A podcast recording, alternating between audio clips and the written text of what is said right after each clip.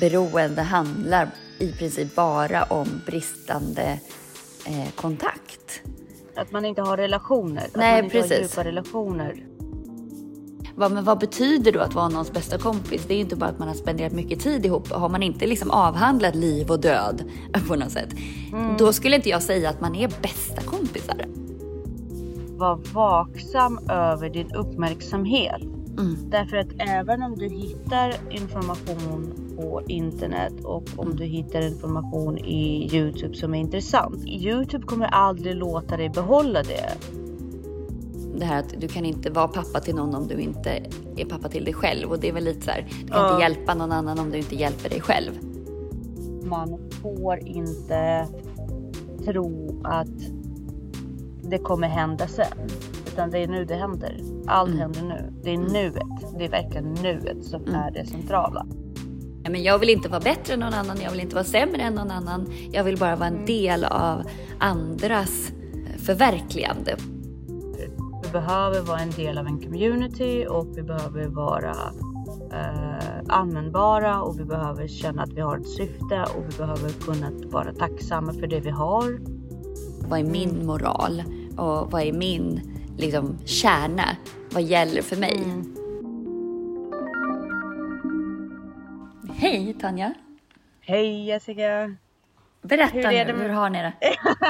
Hur vi har det? Jo, men nu är vi i Turin. Vi har anlänt igår och eh, vi var ganska trötta på kvällen så väldigt mycket typ, så här, gick inte our way.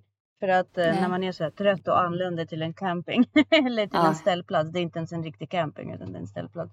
Det blir så här, eh, då får man bara så här, vara schysst mot sig själv. Bara, nu lägger vi ner allt och så sover Ja. vi och så tar vi tag i det imorgon bitti. Så det är ungefär där vi var Ja. igår. Men vi vaknade idag, det var lite svalare här också.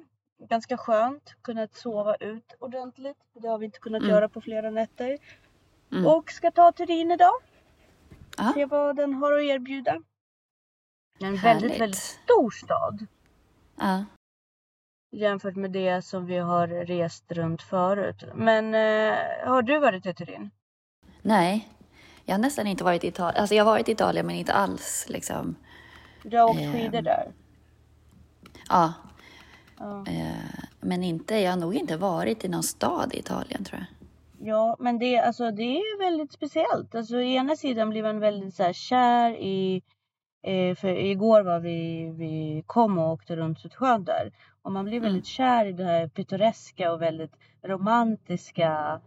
Eh, verkligen som Italien på bild med sjö och små hus som klättrar upp för berg och vingårdar och små kaffebarer och sådär. Och så, sen börjar man kolla närmare på det. Alltså det finns inga hissar och det är svårt att komma åt med bil och jag vet inte hur de får in mat där. Alltså det är väldigt annorlunda standard jämfört med, med hur vi har det nästan överallt i Sverige. Sen kommer man till Turin som är en jättestor stad. Det funkar precis som Mm. alla andra storstäder. Intressanta kontraster. Ja, Väldigt, väldigt intressanta kontraster. Eh, ja, det var väl det. ja men härligt. Eh, jo, men då undrar jag hur har det varit på Djurö? Ja men det är ju så härligt här. Eh, det är så härligt i Mm. skärgården överhuvudtaget. Så att, eh, ja, nej men det är... Ha, har du barnen där? Nej, inte nu. De är hos sin pappa. Men de kommer på fredag. Eh, så det är bara jag och Zelda och Danne här. Ja. Hur går det för Zelda? Jo, men det går bra. Hon är väldigt eh, duktig så här på hemmaplan. Hon var inte så duktig i skönt. Göteborg, men... Nej, men det kanske var första gången också hon var så liten. Ja. Eh, nej, men hon, hon är jätte, jätteduktig. Men det var verkligen så här, allt som, som kunde gå fel i Göteborg gick fel. Mm. Ja, men det är ju intressant tycker Ja. jag att eh, sådana situationer, det är ju nästan det man förbereder sig för hela tiden när allt kan gå fel. Och det är Precis. väl liksom lite grann temat på det. Eh, det går väl in i det som vi kommer prata om idag. Mm. Eh, väldigt intensiv eh, intervju som vi har tittat på. Mm. Väldigt intensiv. Ja, verkligen. Eh, och också så här, lite svår att, att sammanfatta tycker jag. Eller det, är så här, det sägs ju väldigt mycket bra saker. Eh, ja. Men, men ändå så här... Men ändå ingenting att, på något sätt. Att plocka kärnan liksom. Eh. Ja, men eh, vi ska säga varmt välkomna till, till Ansvarspodden.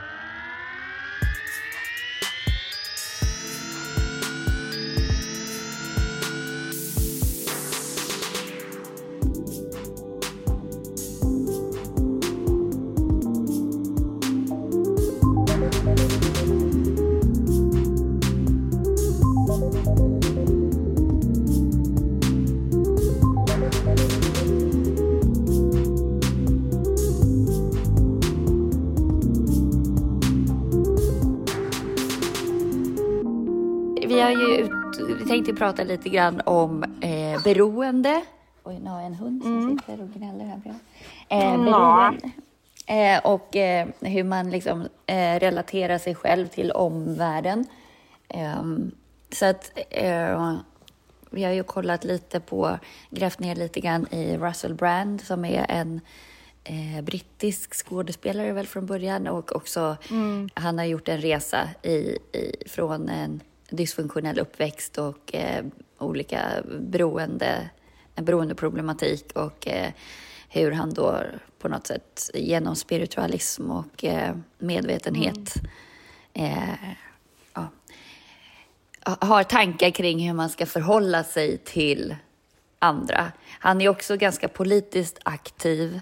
Eh, mm. i, mm, liksom, han vill ändra synen på ja, beroendeproblematiken och sådär. Men så att... även att han är väldigt antikommersiell. Han är ja. väldigt eh, mot stora företag och koncern ja, och precis, och centralisering av allt. makt. Precis. Och, så han är, han är bara, alltså jag, jag upplever honom bara som en kraft. ja. eh, han är väldigt intensiv, han är väldigt närvarande. Ja det känns som att han brinner för varenda ord han säger.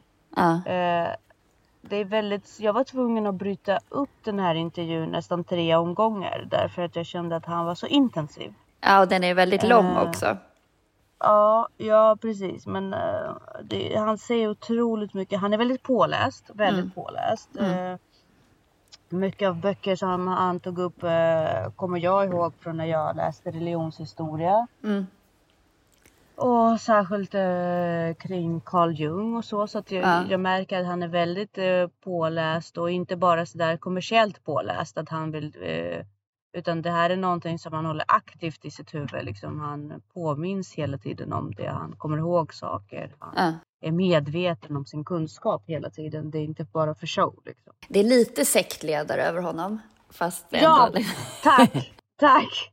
Jag kände också det. Jag kände definitivt, han är ju som, lite som Hitler och jag kan tänka mig att det var så. Oj, Hitler var väl kanske ingen trevlig parallell. Nej, men jag har lyssnat, alltså grejen är att eh, just när med religionshistorien jag läste så har vi lyssnat mycket på Hitlers tal.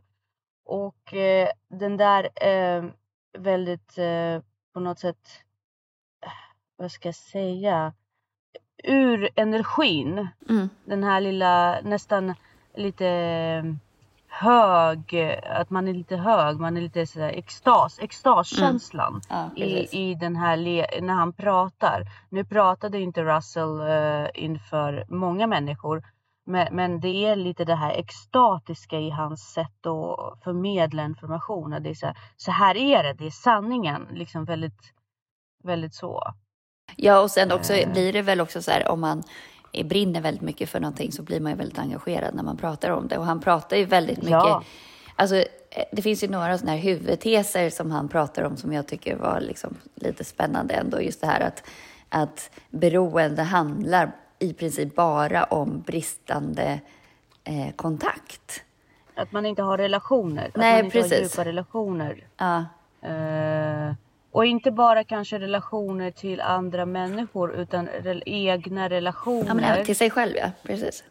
Till sig själv och eh, världen omkring. Mm. Och det förstår jag. Eh, väldigt djupt. Alltså jag förstår verkligen vad han menar där. Uh, man tänker på människor som hela tiden tittar på andra. Mm. Hur man ska förhålla sig till saker. Jag känner igen det väldigt mycket. Man letar efter någon som kan visa en vägen. Mm. Och sen så hittar man inte riktigt den connection. Man har kanske, han pratar också om eh, fel, alltså föräldrar som har inte varit där. Föräldrar Mm. som inte har varit förebildliga. Man har inte haft förebilder. Då tappar man ju det här. Det, är, det finns ingen som kan fylla ens liv med mening och bara så här funkar det här. Och, och de här sakerna funkar på det här viset. Det finns ingen trygghet Nej. i, i, i de relationer som man skapar med verkligheten därför att det, det fanns ingen person som kunde vägleda. Han pratar väldigt mycket om fadern Mm. eller modern, liksom någon som kan initiera dig och vara där för dig. Så då, då blir ju det att man dövar det här eh, ensamheten Mm. Ja men precis. beroende. Mm. Man på Eh, något sätt frigör sig från verkligheten. Ja, precis. Tar avstånd från den.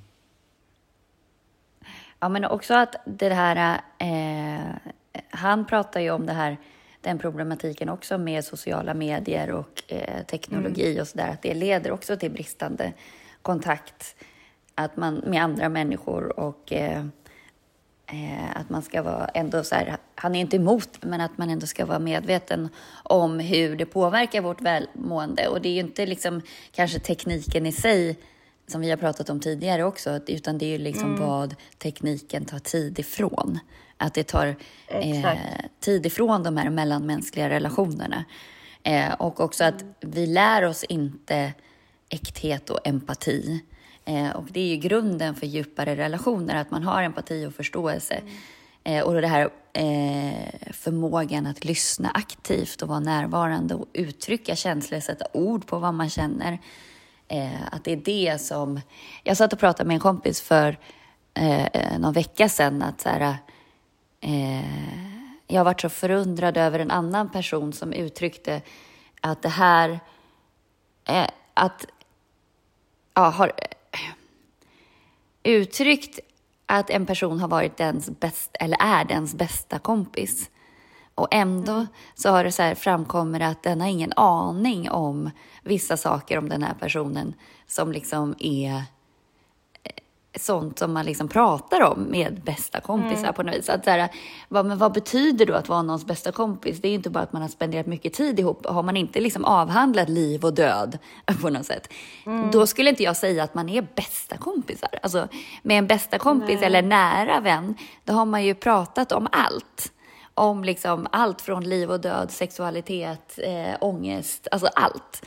Eh, Sen så är det klart att man kanske inte vet allt, allt, allt, allt. Men om det framkommer att här, man har ingen aning om väldigt liksom, många sådana här saker, då känns det som så här, men, men vad har ni pratat om då? Alltså, och då är det ju inte en bästa kompis. Eller sen så kanske det är liksom ja. ens, den bästa kompisen man kan ha, men det är ju inte en, alltså i mitt perspektiv, en nära vän.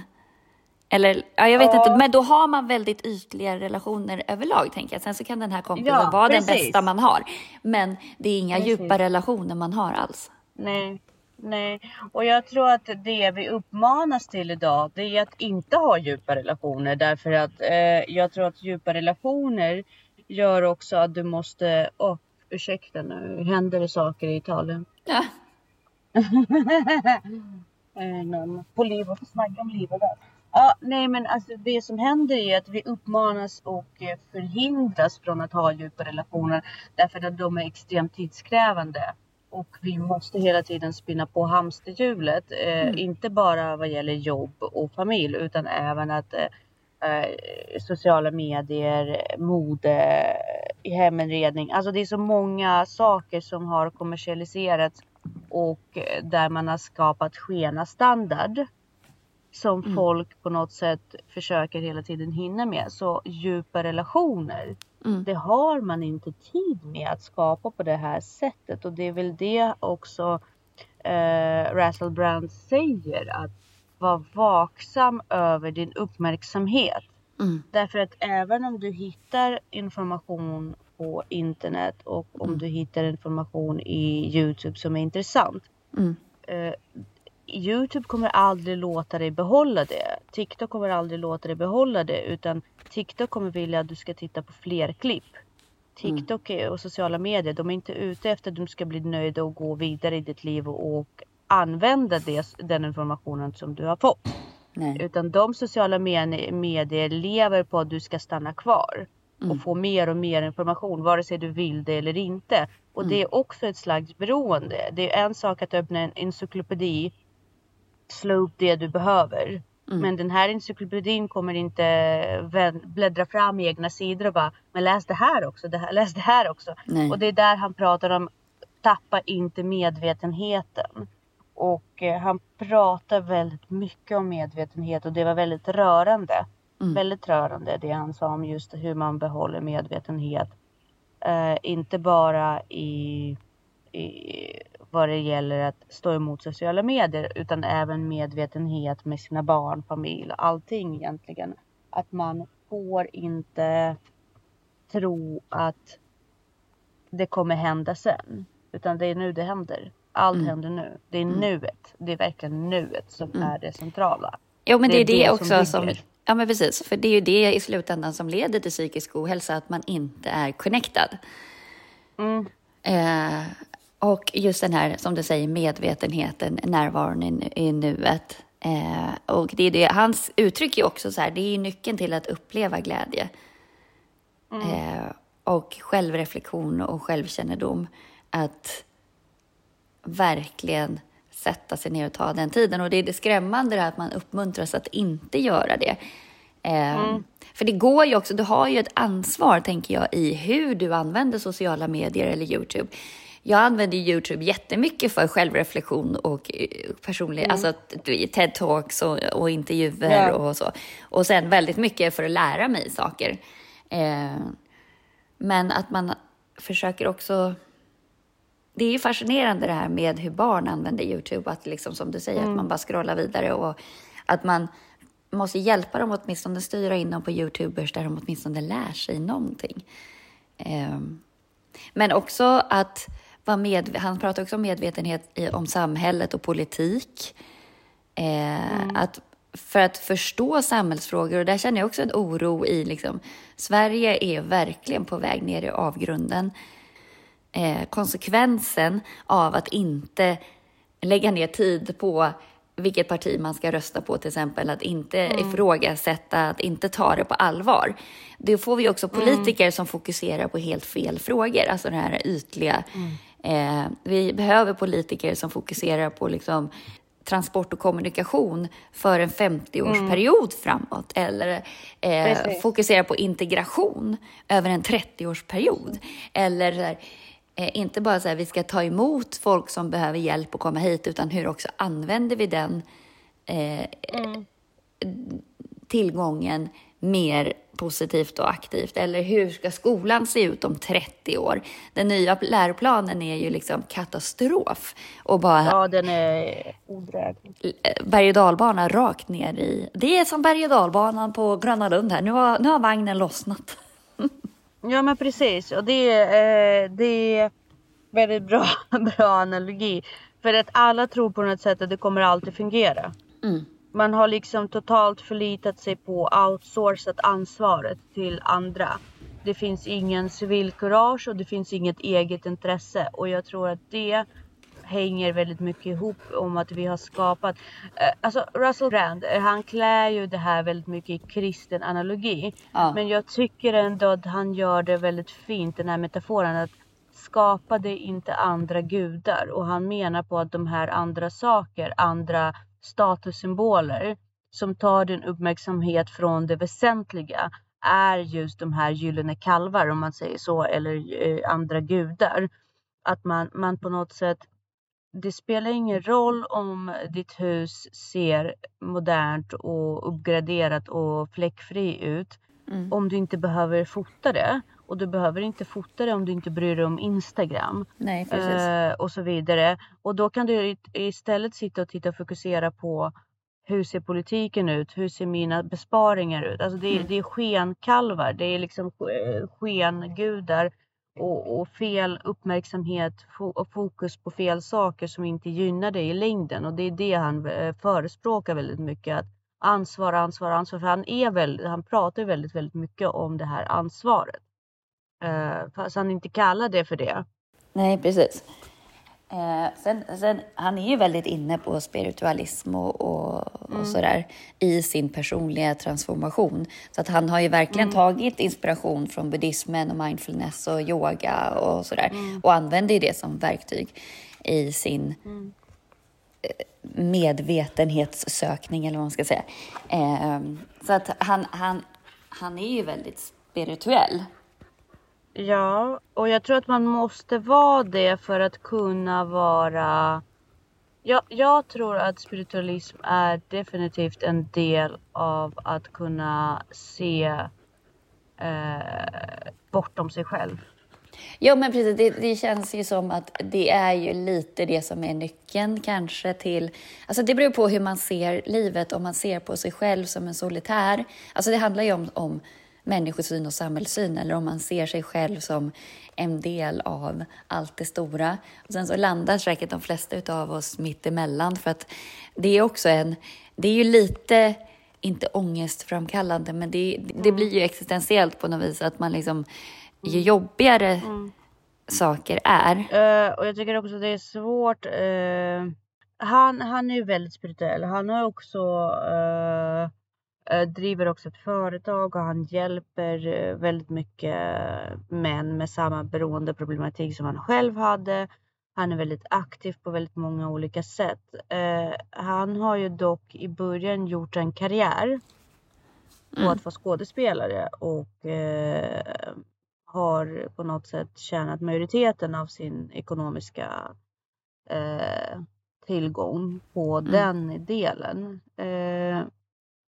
det är väldigt svårt eh, att inte ha samma förutse ekonomiska förutsättning som han har, men även samma kändisskap. Alltså hans namn är ju i sig eh, ett varumärke och leva på samma sätt. Men man kan dra ner skal. Alltså jag menar, jag kan inte lämna allting och börja förespråka spiritualism och antikommersialism. För då blir jag en solitär i mitt samhälle. Eh, därför att jag har inte den communityn i Nej. detta liksom. som skulle kunna supporta det.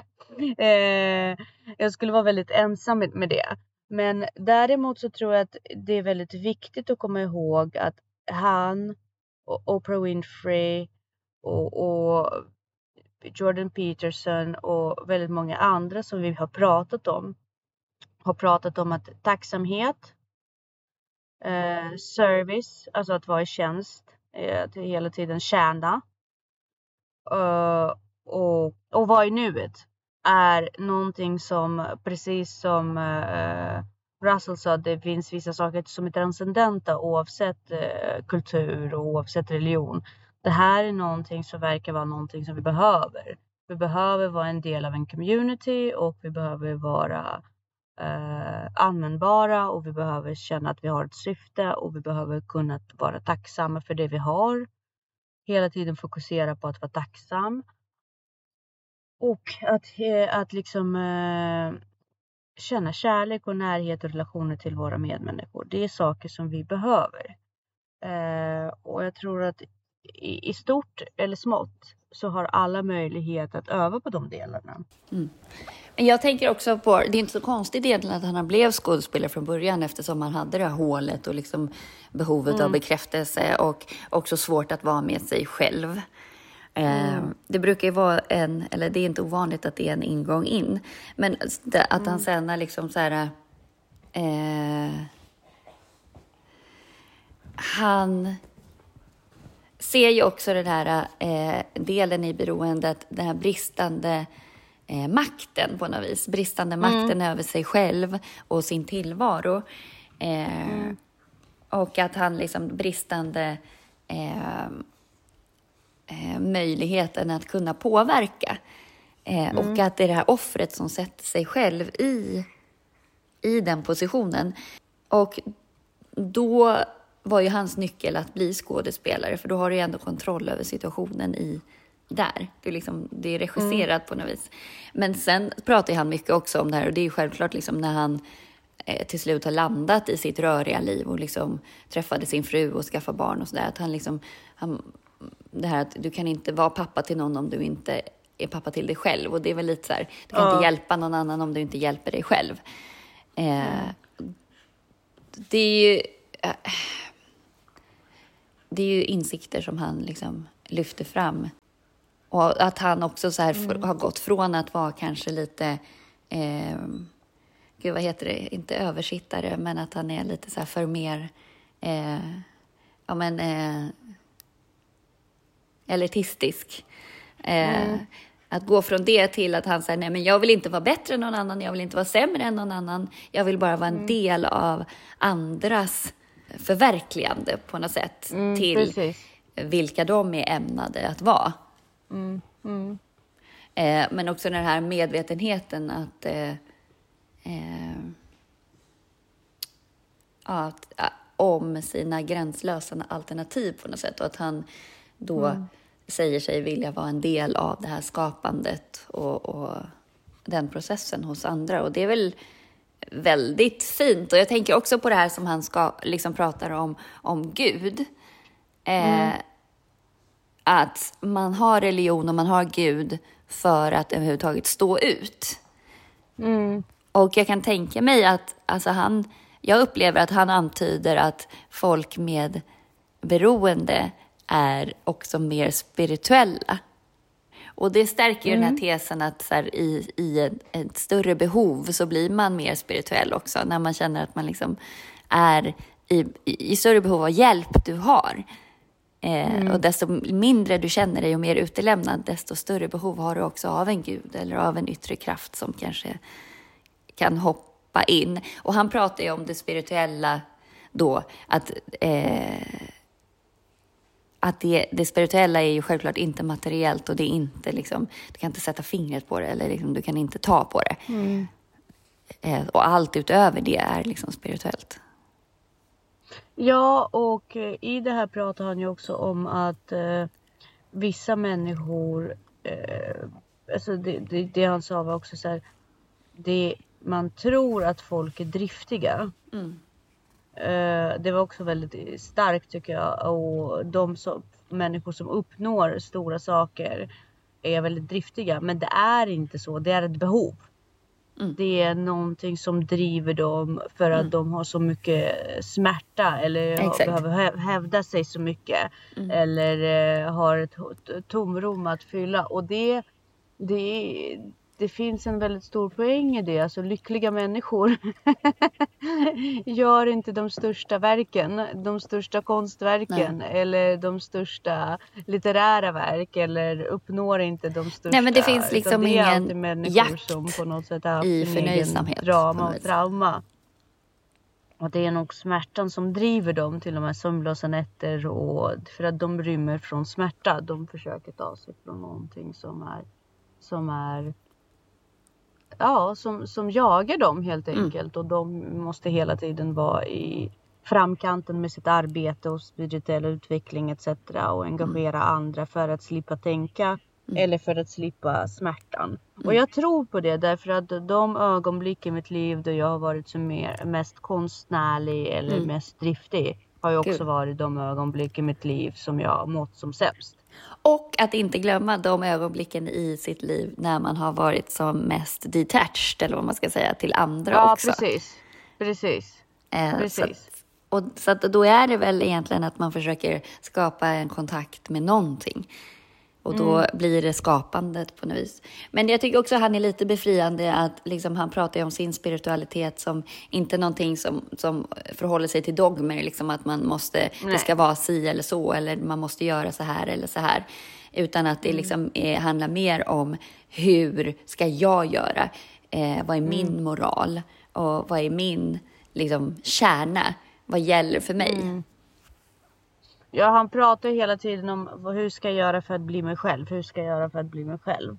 Mm. Och eh, det, det är väl det som är det huvudsakliga tesen i hela hans, eh, hela hans intervju egentligen.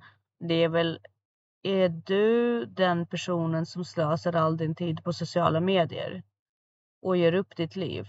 Eller är du någonting annat? Är du Mm. den personen som jagar falska ansvar eller ja, eh, statussymboler eller du någonting annat? För det, vi är alla någonting annat från början.